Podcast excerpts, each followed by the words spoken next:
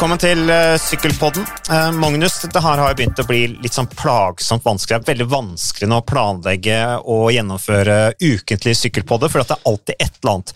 For to uker siden Jeg har jo en jobb da, som jeg må sånn tilpasse. Litt sånn Eh, Ja, men du jobber jo i TV 2, sånn at, og dette er jo TV 2 sin sykkelpodd.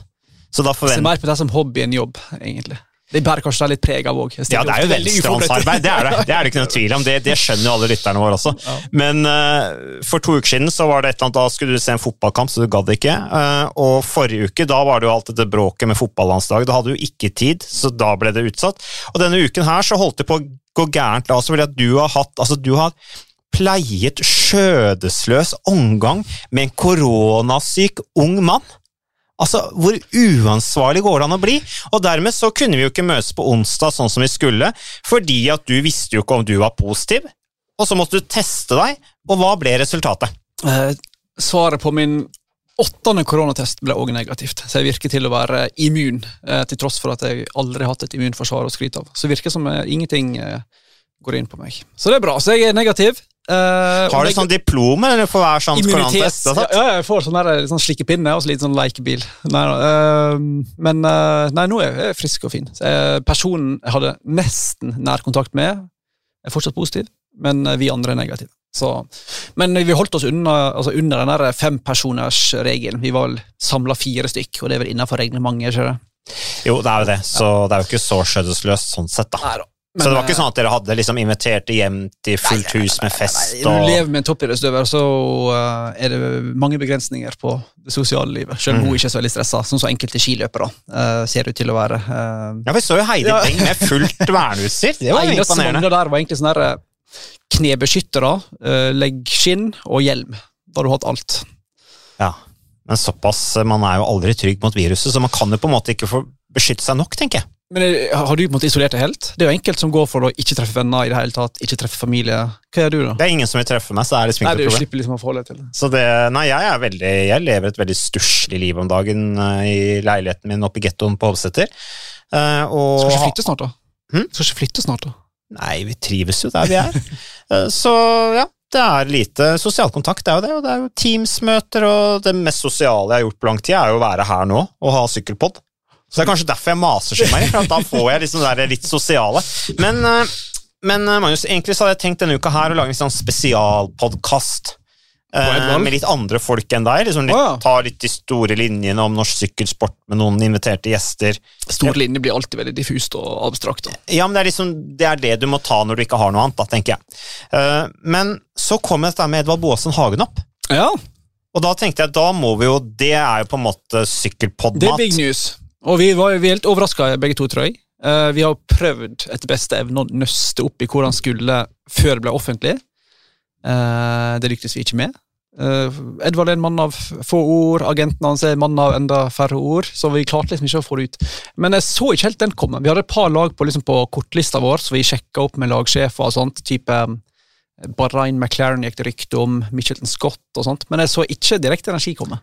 Og takk og lov for at han ikke signerte for Bahrain McLaren, da, for da hadde vi jo liksom fått han der kronprinsen nedi Bahrain der, som jo også er sånn der menneskerettighetsforbryter. Vi Som vi også måtte kritisere. Ja, og han er fin på Twitter som, som hater oss sånn, fordi vi ikke tar et oppgjør mot rasisme og nazisme og sånt. Eh, så da har vi fått han enda mer på.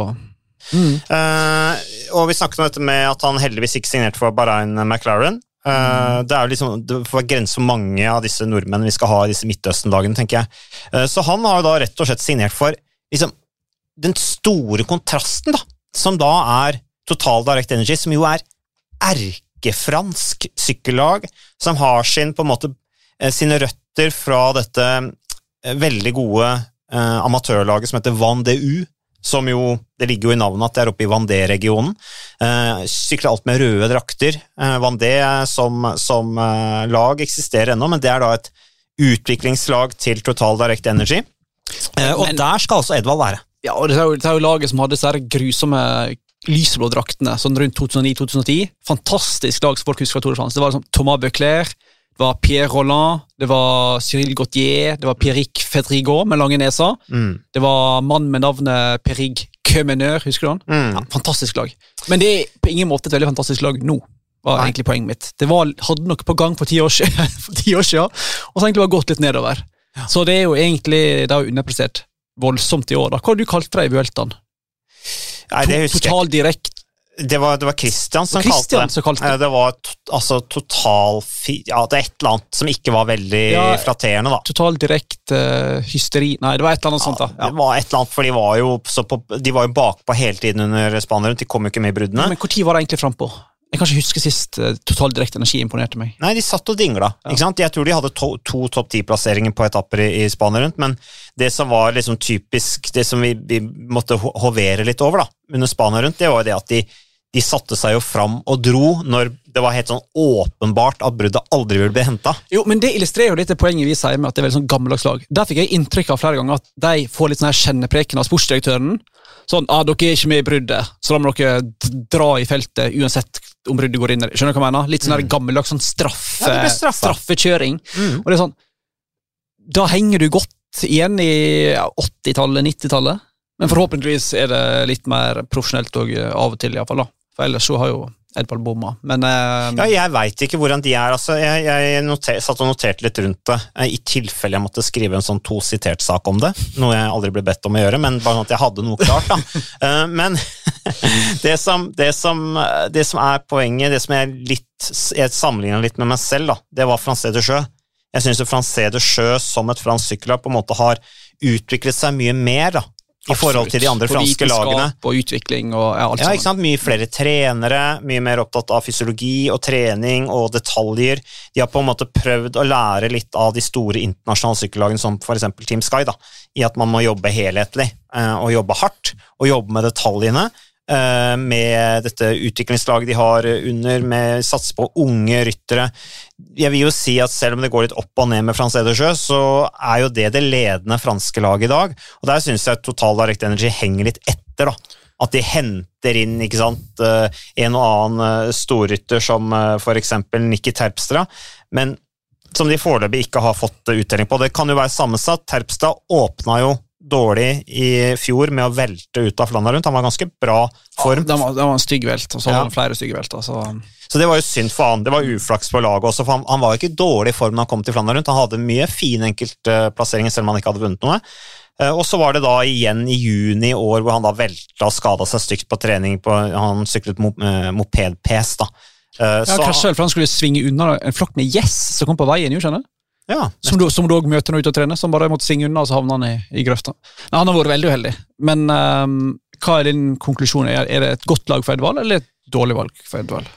Det blir spennende å se. Det kan jo ikke være utelukkende negativt. Altså det, det positive med å sykle for Total Direct Energy syns i hvert fall jeg er, er at det er et veldig åpent lag. Eh, Det, et, det kan, hvis gutta kommer i form, og de klarer å skape en god stevning og de er offensive, eh, kanskje at Terpstra tar en sånn lederrolle sammen med Edvald, så har de jo de, de, de har jo noen bra resultater. De blir jo nummer fire i, i Flandern eh, rundt eh, i år, da. Eh, Tross alt, så Um, Turkis? Nei. Turkis, ja. 26 år gamle Turkis.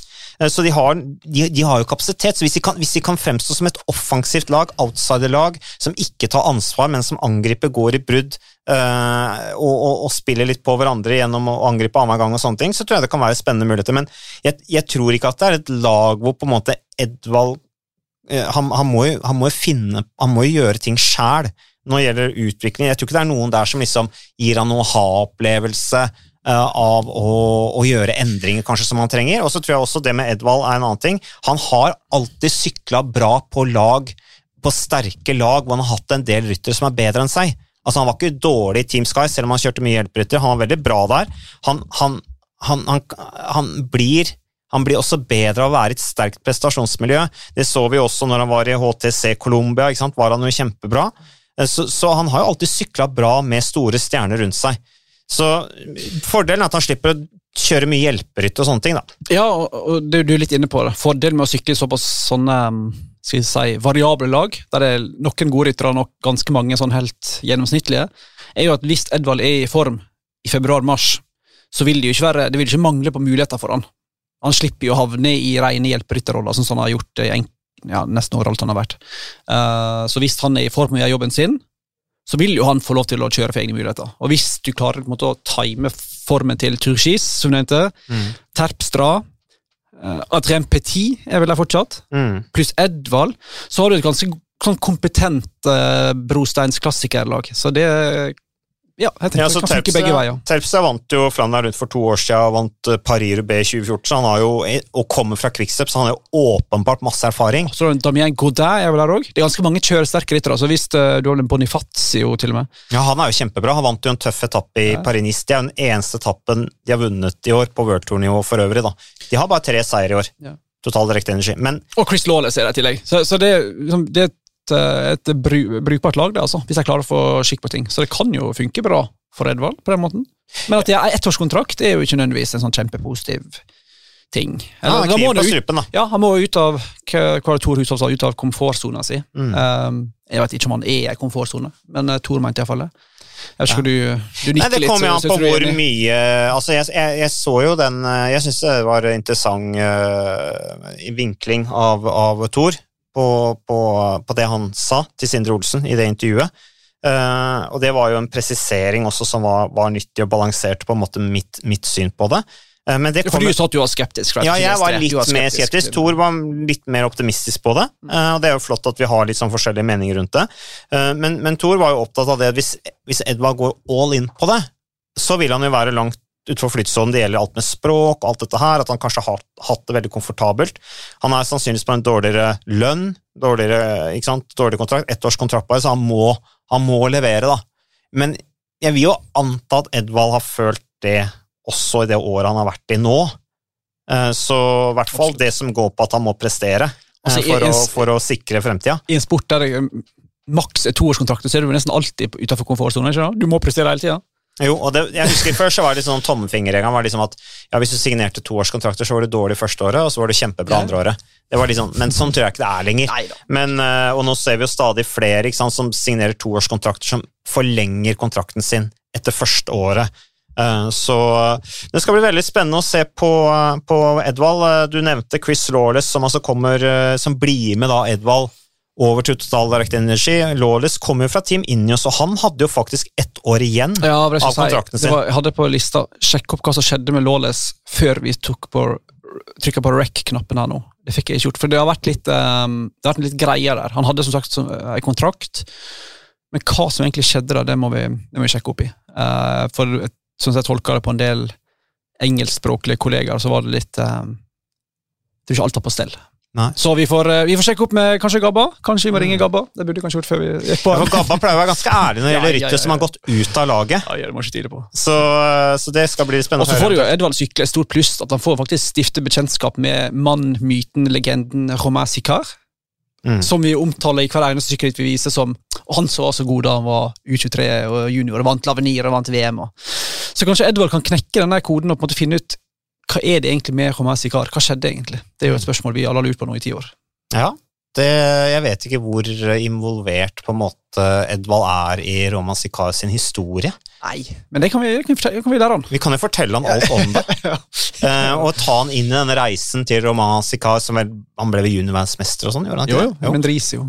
Uh, og kjørte i fylla, gjorde han ikke det? Jo. Ja, Det var en bilulykke og Ja, greier. han kjørte i fylla, men det var ikke bilulykke. Men jeg tror han parkerte, og så tok han med seg en del både noen kjegler sto langs veien, pluss et skilt inn i bilen, og så fant politiet han. Testet, blåste positivt, da, selvfølgelig. Uh, ikke koronapositivt, men altså promille. Og så fant de masse sånn skilt i baksetet. Litt sånn fransk sykkelsportsvar på Petter Northug. Ja, litt sånn. Han har ikke helt den auraen eller karis... Han, Nei, han er ikke han er ikke like karismatisk som Petter Northug, dessverre. Han er jo en mann av enda færre ord enn agenten til Edvald, så det er jo ikke masse du får ut av han. Men uh, Men uh, Sikar er jo, han var jo det som er likheten med Northug, er at han på en måte var en veldig god som ung. Og veldig ja, ja, ja. lovende og veldig hausa opp, ikke minst. Og så var han en basker i tillegg, ja. fransk-basker. Han burde jo ha vunnet det som var når du vinner Lavenir, VM og Ronde Lizar på ett år, som U23. Pluss Subida Naranco vant han vel oppe i Spania. Mm. Proffritt. Når du slår Samuel Sanchez der som 19-åring, så er du ganske god. Mm. Men der gikk det bare i dass. Men, men. Uansett. Edvald, spennende valg, det må vi vel konkludere med. Og overraskende valg. Ja, og, og først og fremst da, så er det veldig bra at Edvald har fått et lag, og at han fortsetter å sykle. Eh, og jeg syns det er morsomt at han, at han havner der, for det var jo ikke noe vi hadde trodd. Så det er morsomt. Så er det veldig deilig å få en nordmann inn i franske lag igjen. De bør jo alltid ha en norsk rytter i et fransk lag, syns jeg. Ja, du om det. Ja, men vi har jo tradisjoner i Frankrike. Dagotto har vært i proff i Frankrike, Atle har vært der, Atle Kolsvold, Thor, meg, Gabba, Uh, Vegard Breen, Uh, Vegard Stakke Laingen. Stemmer det. Vegard Breen var jo Vegard Breen var i det der. Bretagne Sesh. Ja. Mm. Så det er sikkert flere som jeg har glemt nå i farten nå. Vegard Breen var type. Han bør vi prøve å få tak i en dag for å få litt sånn Hvor er du nå? Jeg traff Vegard. han på gata for et par år siden, faktisk. Han slo Han en prat. Altså, du- Nei, han, han var, ja, nei, han jo Da jobbet han i et regnskapsbyrå ja, og greier. stemmer. Så jeg tror han er flink gutt, eh, Vegard Ja, Breen. på. Men han var ikke så veldig interessert i å snakke så veldig mye om sykkel, i media i hvert fall. Da kan vi la ligge. Så ellers andre nyheter, så vi har jo snakket om dette for mange uker siden, men eh, Johannes Staune Mitte skal altså sykle da for Jumbo Visma Academy, altså utviklingslaget til Jumbo Visma, eh, fra 2021. Det er hyggelig for Johannes. Broren hans Andreas skal sykle i Italia i et eh, lag der, så det er bra at eh, de eh, kommer seg videre. Jumbo Visma Academy, som jo er spennende, det er jo da de bygger opp en utviklingsmodell der som er veldig bra, eh, med dette utviklingslaget under World Tour-laget. De starter også damelag nå. Var ikke det som var gikk på ski i Norge i fjor? Var ikke utviklingslaget til Jumbo Visma? Jo, Da passer det fint å få inn en langrennsløper som Steine Mitte. Han er vel junior-norgesmester på en eller annen distanse. Ja, Andre, ja, de er det kanskje både- begge to. Ja, det er mulig. Så, Men jeg, tror, jeg tolker han sånn at han ikke har Eller tolker folk rundt han som han, at han ikke har bestemt seg nødvendigvis 100 for sykkel.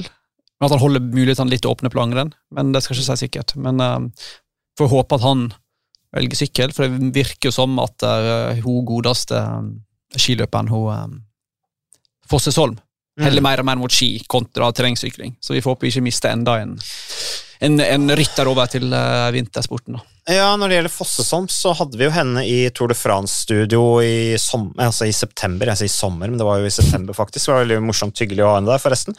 Men hun sa jo at hun hadde ikke noen planer om å kutte ut terrengsykling på noen måte, og utelukka heller ikke at hun skulle prøve seg litt på landevei, slik jeg oppfatta henne, i hvert fall. Men På sikt. Ja, vil ville bli overraska hvis hun plutselig legger skia på hylla. da. Ja, det gjør hun Ja, sikkert. nei, så Det virker som om um, hun har mest fokus der, kanskje. Mm. Så vi får håpe at uh, Steine Mitte Går all in lykkes på i sykkel. Jumbo Visma og satser på sykkel. ja. Det er. Ja, men det hadde vært litt kult om man kunne kombinere på en måte blitt verdensbest på ski og verdensbest i sykkel. Da. da hadde du jo på en måte, du hadde Primoz Roglic, ikke sant, som har sin Var han skihopper? Ja, var, var ikke han det? Ja. Jo, han var visst det. Ja, okay. Ja, det må vi sjekke opp, men uh, Primoz Roglic, som jo har sin eh, historie fra nordiske grener, da får vi kanskje en ny. Det hadde vært gøy. Ellers, uh, apropos moro um, Oi, nå er jeg spent. Eh, ja. Moro Lars, eh, litt. Lars Bakk skal bli sportsdirektør i UnoX for damelaget. Det er en stor, vi vet lite om hvilke ryttere de skal ha der, men eh, nå har de i hvert fall sportsdirektøren på plass. Lars Bakk, som vant en etappe i Giro Italia i 2012. Kan vi si såpass at jeg tror ikke um, Jeg har inntrykk av at de leker ikke klubb Nei. i UnoX, så jeg tror det kommer til å komme en del um, Sikkert for mange overraskende gode ryttere inn. Jeg tror ikke bare det blir utvikling, jeg tror det blir en del toppryttere òg, har jeg uh, inntrykk av. Jeg er veldig spent på hvordan det damelaget til Unax blir. Altså, vi vet, nå har de i hvert fall sjefen på plass, Lars Bach. Verdens hyggeligste fyr, for øvrig. Han er, kanskje, ja, han er kanskje hyggeligste Ja, er veldig- fyren som var i proffeltet når jeg var der. i hvert fall. Så det er for oss veldig bra. du får inn en sportsdirektør som er så verbal og god på TV som han er. For han får du, han får du sak av. Han er ærlig, og han svarer på alt og stiller alltid opp. Og. Ja, veldig fin- fin åpen fyr, ja, veldig åpen fyr, så det er et eh, godt valg av Unax. Men det er jo et godt eh, tidspunkt da, hvis du får Hvis det damelaget blir bra. Så, så har du den, det momentet med at du satser på de damene. Så har du et par veldig gode unge norske.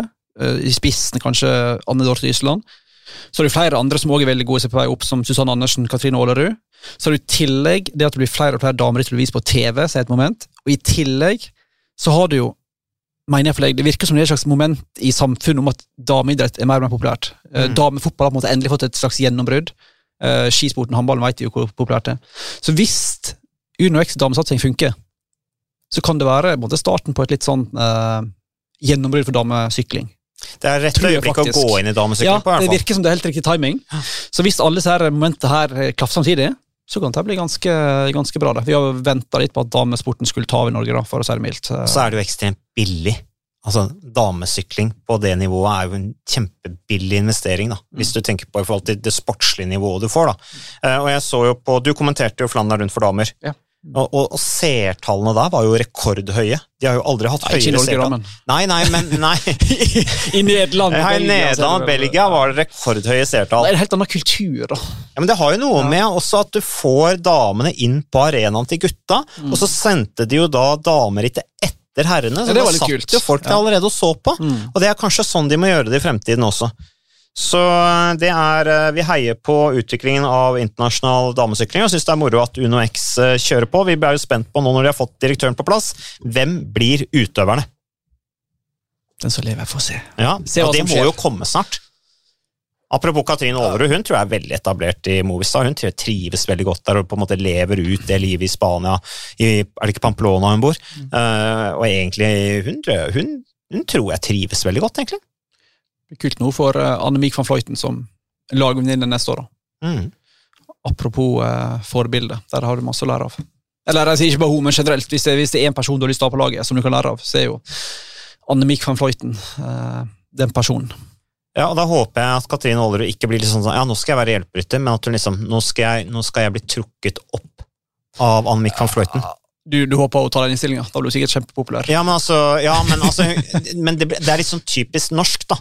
At, Uh, og nå sier jeg ikke at det er typisk Katrine Aalerud, men det er litt typisk norsk at liksom, ja, eh, du, du, du finner din plass i hierarkiet, da. Det har i hvert fall vært sånn veldig tradisjonelt sett. At liksom, ja, eh, vi skal kjøre hjelperytter, og, og du blir for dårlig i den rollen hvis det er det du innstiller deg på, istedenfor å si ok, nå har jeg en utrolig bra rytter, jeg skal henge på henne så lenge som mulig, liksom. Og utnytte den muligheten som er at hun er den rytteren hun er, da, eller så fryktet rytter som hun er, kanskje kan angripe, og alle ser på henne, og så slipper de meg løs. ikke sant? Tenk på, mer offensivt, da. Ja. Det dumme med damesykling kontra herresykling er at hvis du først Det er så liten kalender og så få ritt at det vil aldri være et problem å ha to gode ryttere på et herrelag, for du kjører jo eh, alternative kalendere, og ritta dobler jo opp. Men det er på en måte ikke så mange ritt som er store som på nivå med Giro Rosa, for. Sant? Så får håpe at ikke Ålerud kun blir hjelperytter, men at det faktisk er noen ritt som van Fløyten ikke kjører som Mm. Eller så blir det jeg redd det kun blir hjelperytter. Mm. Uten at det nødvendigvis er noen krise. da. Uh, Van Fløyten har jo ikke verdens lengste karriere igjen foran seg, hun er er jo allerede 36, kanskje. Så hun tar et år eller to i hennes tjeneste før å ta steget opp, så er det ikke krise heller. Men, men jeg skjønner hva du, jeg er enig i det du sier. vi får se. Jeg skal ikke kverulere mer på det, bare for å kverulere. Nei, du er jo en kverulant. Ja, jeg merker jeg får ofte en tilbakemelding hjemme, så jeg skal prøve å bare si ja nei av og til istedenfor Og jeg er, ikke, jeg, er ikke, jeg er ikke sur på deg for at du er det, jeg er bare veldig skuffa noen ganger. uh, og det er klart at du har noe å jobbe med der, eh, Magnus, men du jo også, du har jo litt en rolle at du skal kverulere litt. Du skal jo stille kritiske spørsmål. Og det finnes jo ikke dumme spørsmål, bare så- dumme svar. Ja, det sant, det. Så det er helt ålreit, Magnus. Uh, Rotsjenko-loven er vedtatt i det amerikanske senatet. La oss snakke litt doping. Har du satt deg noe inn i det, eller? Eh, til en viss grad, for det har jo vært snakk om den der Rodsjenkov-loven lenge. Altså, det er jo en lov som er oppkalt etter uh, Rodsjenkov, Grigori.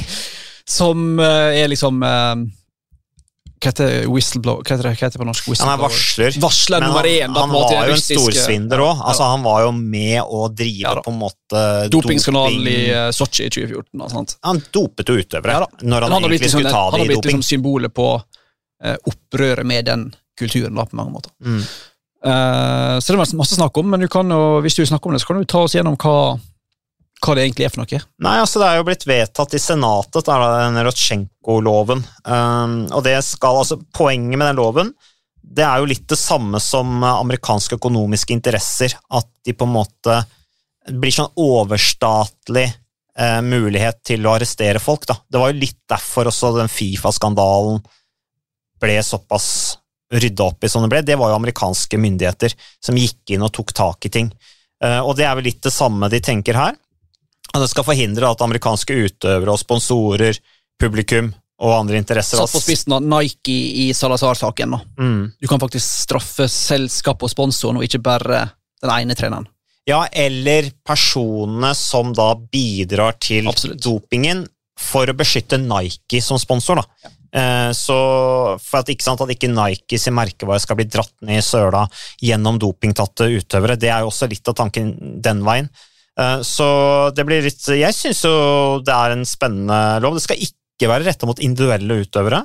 Det skal være primært da retta mot liksom eh, litt de større, organiserte eh, nettverkene da, for å ta folk som Og hittil er vel alle enige om at tanken er god. Ja, Men så er det vel litt et par haker der, da.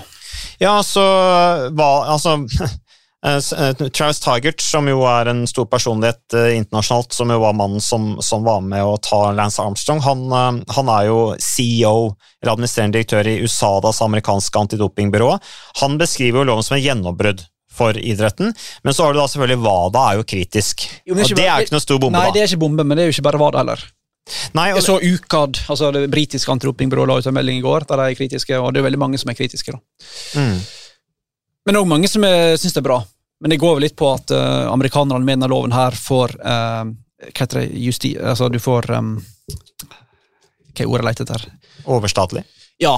Mm. Det er ikke bare på en måte Litt sånn sheriff. Ja, at du, du får en, en mulighet i alle fall til å, å straffe folk for ting som skjer utenfor USA sine grenser etter amerikansk lov. Ja, og det skjer Og det jo allerede i dag. problematisk på mange, på mange måter. da. Mm. Spesielt så er jo veldig mange kritiske, hvis jeg har forstått det rett, på at um, hvis dere er så opptatt spissen, hvis dere er så opptatt av å straffe dopere i hele verden, og organisasjoner, hvorfor har dere ikke tatt med deres egen college og, og proffidretter? Hvorfor er ikke å em, altså, ja, det baseball eller amerikansk fotball, eller hvorfor er ikke de med? Hvorfor er ikke de lagt under regelen her? Nei, de, de, Og det er fallitterklæring, spør du meg, da. ja, og det er jo Vitko Banka, som jo er sjefen i, i WADA, også opptatt av. Liksom, hvorfor inkluderer ikke den samme loven amerikansk proff- og collegeidrett? Det er en rundt halv million amerikanere som jobber i det systemet. Eh, og han sier jo også liksom altså, og, og det var jo egentlig inkludert de var også egentlig inkludert i loven, men så ble de bare tatt ut, og ingen vet eh, Så- hvorfor. Så jeg skal ikke si at jeg kjenner til det veldig nøye, men jeg skjønner jo, jeg skjønner jo problemer. Hvis, hvis vi sier da, satt på spissen at vi i USA vi skal lage en lov som tar dopere over hele verden, groundbreaking stuff, i alle land i verden, ikke bare i USA. Også, men ikke deres egne? Ok. Det, det er ganske spesielt, da. Mm. Uh, så hvorfor liksom amerikanske idretter der dopingen er enormt utbredt, og der er faktisk enkelte idretter faktisk da stemmer over hvert år hva slags stoff som skal være på forbudslista og ikke, Mm. der ting er av og på lista, det er helt sjanseløst. At det da ikke skal gjelde under denne loven, men kun gjelde andre land, det, det er vanskelig å forstå. da. Mm. Ja, men det Så- kan jo være for så- at det er ikke er, altså, Så lenge amerikansk college- og proffidrett følger reglene, de har jo sine regler, og så lenge ikke de reglene brytes, så tenker de vel at det er greit, da. Mens WADA-reglene, hvis WADA-reglene brytes, og amerikanske utøvere må forholde seg til WADA-reglene, da skal de som ikke følger de samme reglene som amerikanerne følger, tas. Jo, men Travis Tyler snakker jo ofte om det der eh, Fox and the Henhouse, den der eh, reven og Hva heter det? Reven og Ja, altså havresekken. ja, Bukken og havresekken. da. Ja.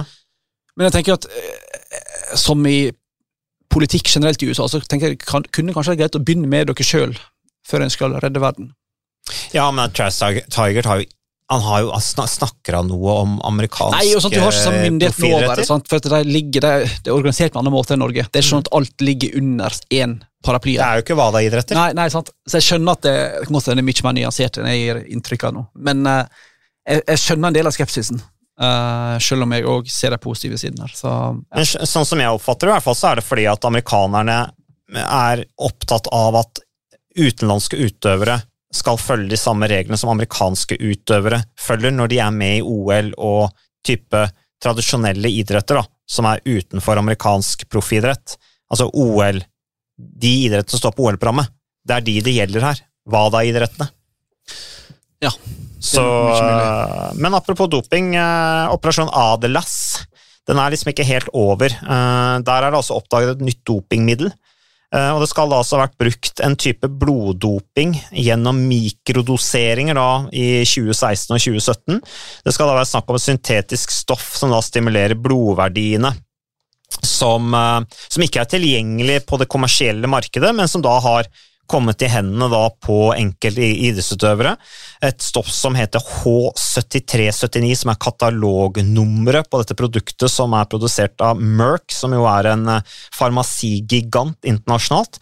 Og det er altså en kroat som er da arrestert i forbindelse med den etterforskningen av Adelas, som da har eh, gjort eh, etterforskerne klar over dette dopingproduktet, som da skal ha distribuert dette produktet videre til Mark Schmidt, da, som er tidligere Gerolsteiner og Milram-doktor, og som har vært sentral i denne Adelas-avsløringen. Så eh, det er jo litt eh, spennende. CAD altså UCI og, og antidopingorganet eh, under Internasjonalt sykkelforbundet, CADF, de er jo informert og har varslet at de vil foreta retester. da, som er tatt ja. i 2016 og 2017. Og Så langt så er det rundt 50 tester som er gjennomført, og av flere tusen tilgjengelige. da. Det blir jo spennende ja. å se. Jo, men jeg forsto det sånn at Ikke for å drepe iveren, men jeg forsto at alt var negativt hittil. Ja, men så bra. Ja, så Jeg tror ikke måte har funnet den der. da. For det er jo en del som selvfølgelig med god grunn stusser over prestasjonene i de utgavene av de du nevnte der, 2016 og 2017. På samme måte som en godt kan stusse over nivået i år, som enkelte har gjort, og som uh, debatteres. Uh, og så er det jo problemer er jo for sykkelsporten at det der er det som egentlig var skietterforskning, har da gått via Mark Schmidt til en åpenbart en slags base i du nevnte Kroatia uh, og, og Slo Slovenia og Slovakia og blant annet Milan Ersen, da, som er sjefen i Bahrain McLaren, som er fortsatt under etterforskning. Mm. Som da har drevet laget som har produsert nesten alle gode slovenske syklistene. Og så tenker mange da at det er sammenheng mellom det og det at Slovenia plutselig er så god i Tour de France. Um, det, er sånn, det er jo ikke en ulogisk tankegang, men det er vanskelig å, å få bekreftet den. Problemet her er jo at UCI er jo ikke åpne om det i hele tatt. Jeg, jeg, tror jeg har spurt nå Jeg så gjennom det i går, faktisk. Jeg sendte en ny mail til UCI. Jeg sendt én hver måned nå i fem-seks måneder hva er status på etterforskninga til Milan Ersen? Er den ferdig? Er den pågående? Har dere funnet noe? Null svar. Mm. Så han som fortsatt får lov til å være fungerende sjef i Bahrain McLaren sammen med Rod Ellingworth, Milan Ersen, er fortsatt under etterforskning. Vil jeg gå ut fra i og med at ikke UCI sier at han ikke er det. Mm.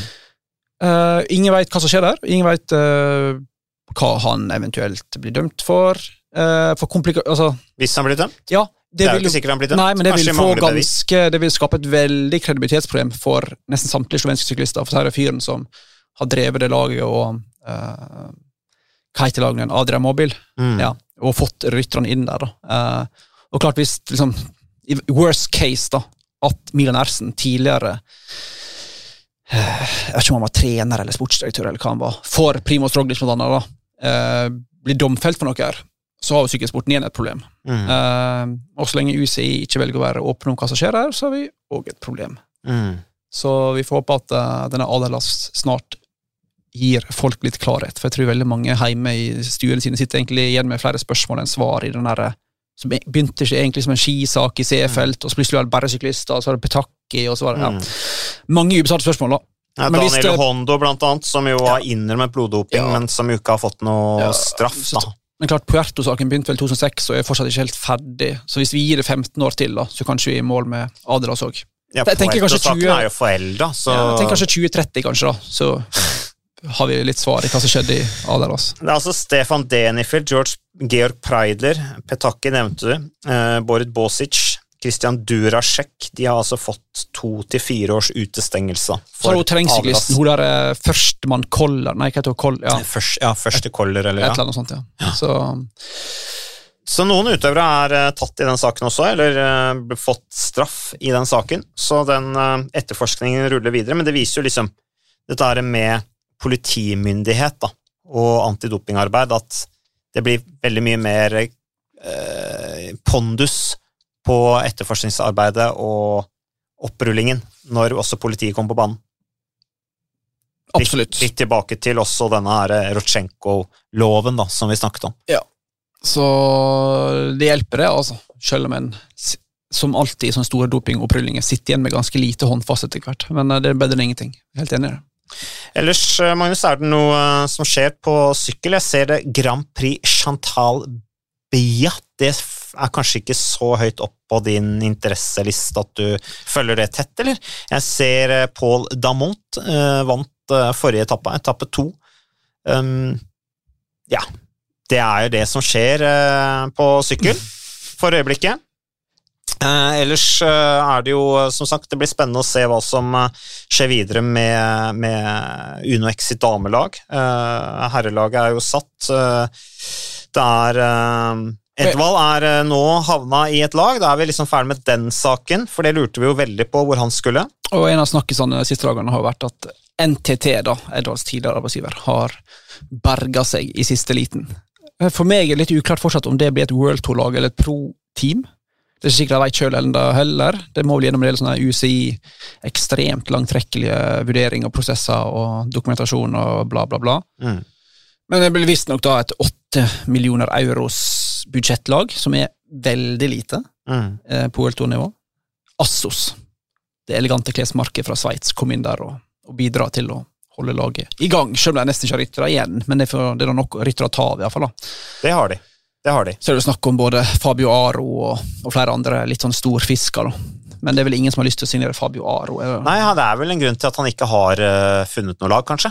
Men jeg tror han sa at han hadde når han skulle offentliggjøre seinere. Ja, så vi får nå håpe for Douglas Ryder og Gino sin del at det helst ikke De har Gino Meder, da. Han er jo talentfull. Ja, men jeg hørte nok rykte om at han kanskje er på vei bort, men vi får se. Mm. Det forsvinner jo stadig ryttere. Stefan de Bodd, kjemperytter, forsvant til Astana. Mm. Sobrero forsvant til Astana. Tre stykker som virker.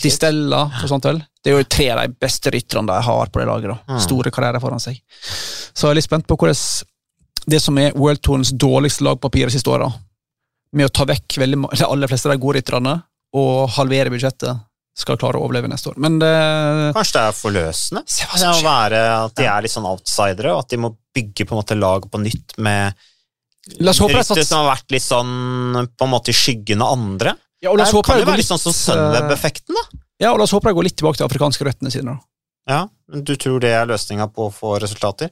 Det er jo et Bra spørsmål. Uh, nei, men da hadde du iallfall et poeng med laget, da. Ja, helt enig. En historie å Ja, det liksom å narrativ selge, der som- tenker jeg. ja, som i forhold til sponsorene og, Og det er nok ja. eh, gode afrikanske unge ryttere ute, altså. Så um, Nei, Vi satser på det. Det er en fin profil, så det- vi håper at de, de beholder den. Det er jo ganske mange ryttere som ikke har eh, kontrakt ennå. Det er jo 4% av feltet, World Tour-feltet, legger opp etter denne sesongen.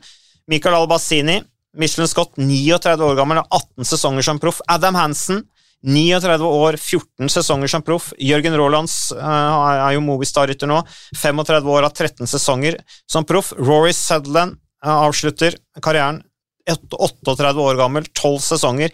Ian Stannard, som jo uh, brite, som har vært i Team Sky og Ineos hele karrieren, 33 år gammel, han avslutter også karrieren. Axel Dumont, franskmann i Ardes der, 30 år og har 8 sesonger. Alle de setter, eller henger opp sykkelen etter denne sesongen. Så det er vel uh, det. Så tenker jeg at vi tar uh, Det ser ut som du har lyst til å ta helg nå, Magnus. jo, det, er klokka, jo- det, er jo halv fire på en fredag, så da begynner det, å, begynner det å nærme seg helg. Har du hatt åtte timers arbeidsdag nå? Ni?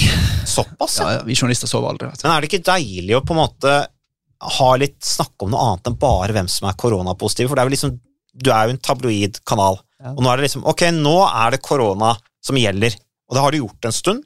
Og det er koronapositive fotballspillere som er særlig i skuddet. Er det ikke litt deilig å snakke om noe annet?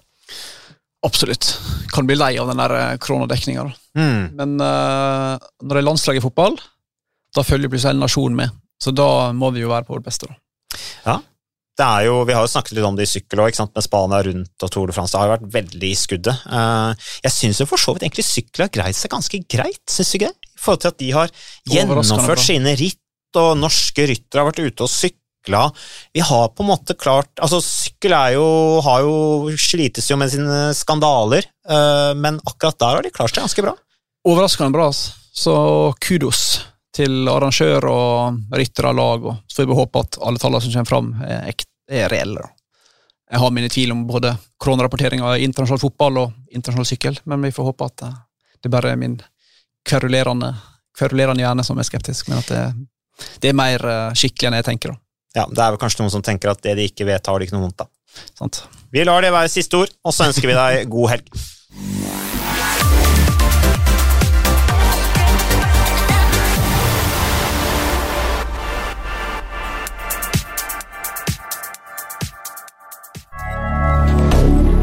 Moderne media.